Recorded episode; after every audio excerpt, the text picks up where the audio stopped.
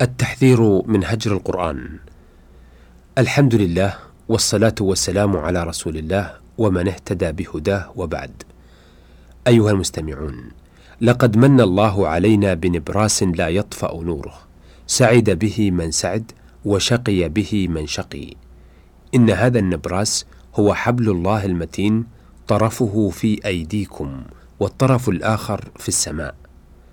ما أنزل إلا لكم فما لنا عنه غافلون ولغيره متوجهون كأن المقصود به غيرنا وكأن المخاطب به سوانا وكأن لم نؤمن بهدايته ولم نعلم بغايته ونحن نعرف أنه ما ضل من تمسك به.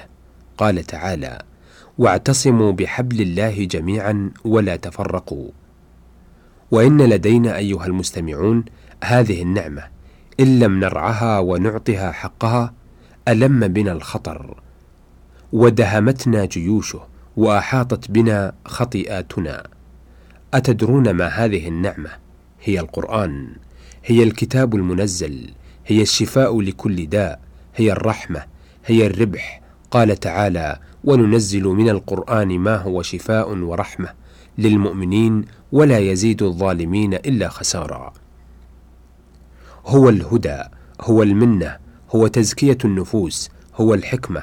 قال تعالى لقد من الله على المؤمنين إذ بعث فيهم رسولا من أنفسهم يتلو عليهم آياته ويزكيهم ويعلمهم الكتاب والحكمة وإن كانوا من قبل لفي ضلال مبين.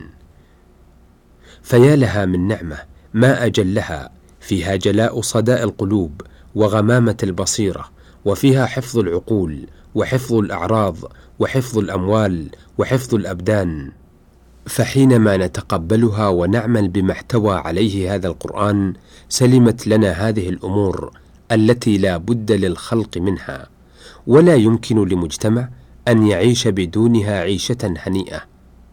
وحينما يهجر القرآن أي مسلم أو أي مجتمع فالهلك مآله والدمار مصيره. ومرض القلوب ملازمه وعقد النفوس تتوارده وأهواء النفوس الأمارة بالسوء تتجاذبه وشياطينه تتنازعه. أيها المستمعون لقد اشتكى الرسول إلى ربه قومه لما هجروا القرآن قال تعالى وقال الرسول يا رب إن قوم اتخذوا هذا القرآن مهجورا. فاحذروا أن تكونوا ممن شكاهم الرسول إلى ربه بأي نوع من أنواع الهجران.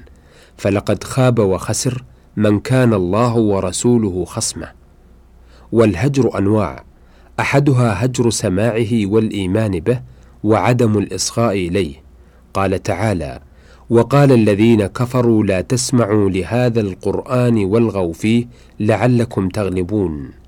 الثاني هجر العمل به وعدم الوقوف عند حلاله وحرامه وإن قرأه وآمن به.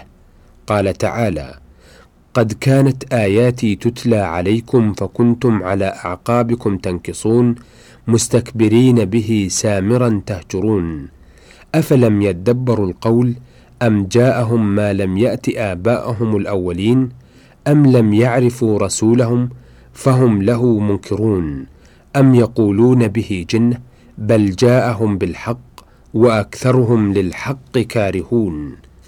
الثالث هجر تحكيمه والتحاكم إليه في أصول الدين وفروعه واعتقاد أنه لا يفيد اليقين وأن أدلته لفظية لا تحصل العلم قال تعالى ومن لم يحكم بما أنزل الله فأولئك هم الكافرون ومن لم يحكم بما أنزل الله فأولئك هم الظالمون. ومن لم يحكم بما أنزل الله فأولئك هم الفاسقون.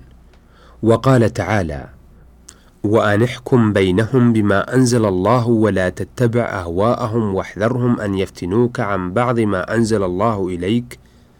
فإن تولوا فاعلم انما يريد الله أن يصيبهم ببعض ذنوبهم وإن كثيرا من الناس لفاسقون.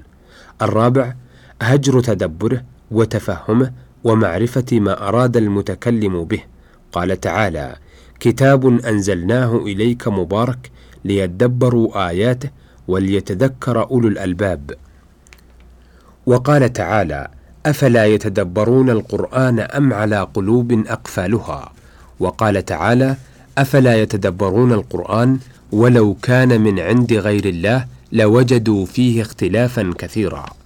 خامسا هجر الاستشفاء والتداوي به في جميع أمراض القلوب وأدوائها. قال سبحانه: قل هو للذين آمنوا هدى وشفاء والذين لا يؤمنون في آذانهم وقر وهو عليهم عمى أولئك ينادون من مكان بعيد. فمن ترك التداوي به طلب الشفاء من غيره ومعلوم أن الدواء إذا لم يوافق الداء لم ينفع فيطلب شفاء دائه من غيره ويهجر التداوي به وكل هذا داخل في قوله تعالى وقال الرسول يا رب إن قوم اتخذوا هذا القرآن مهجورا. أيها المستمع الكريم أناشدك بالله الذي لا إله غيره الذي آمنت به وباليوم الآخر رجاء ثوابه وخوف عقابه بألا تهجر هذا القرآن. اقرأه واسمعه من غيرك فهو المبشر لمن صلحت نيته وطابت سريرته. قال تعالى ولقد يسرنا القرآن للذكر فهل من مدكر؟ والله ما أنزل القرآن إلا لنؤمن بمتشابهه ونحل حلاله ونحرم حرامه ونحكمه في نفوسنا وأموالنا وفي كل مجالاتنا ومعاملاتنا. في خلوتنا واجتماعاتنا لنا وعلينا. والحذر كل الحذر أن تحكمه أيها الإنسان فيما هو لك وتعرض عنه فيما هو عليك. فهذا شأن المنافقين الذين إذا دعوا إلى الله ورسوله ليحكم بينهم إذا فريق منهم معرضون. وإن يكن لهم الحق يأتوا إليه مذعنين أفي قلوبهم مرض أم ارتابوا أم يخافون أن يحيف الله عليهم ورسوله؟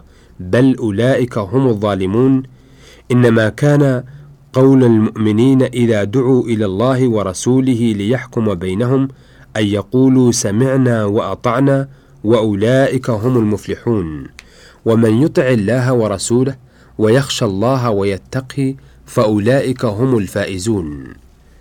أيها المستمعون من منا راجع نفسه وفتش عن معايبه ومثالبه فنفض الغبار عن عينيه وجعل القرآن له مرافقا بعد أن كان له هاجرا يستشفي ويتداوى به ويتدبره ويستبشر إذا سمعه وإذا ما أنزلت سورة فمنهم من يقول أيكم زادته هذه إيمانا فأما الذين آمنوا فزادتهم إيمانا وهم يستبشرون.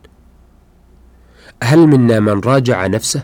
هل يشمئز من ذكر الله ومن القرآن ليعرف أنه من الذين لا يؤمنون بالآخرة ويزداد معرفة لنفسه حينما يراها تستبشر بذكر ما دونه وتجد هذا في قوله تعالى وإذا ذكر الله وحده اشمأزت قلوب الذين لا يؤمنون بالآخرة وإذا ذكر الذين من دونه إذا هم يستبشرون أسأل الله الكريم رب العرش العظيم أن يشفي قلوبنا من أمراضها وأن يجلي ما عليها من الظلمة بنور كتابه وأن يجعلنا من أنصاره. وصلى الله على محمد وآله وصحبه أجمعين ومن تبعه بإحسان إلى يوم الدين والسلام عليكم ورحمة الله وبركاته.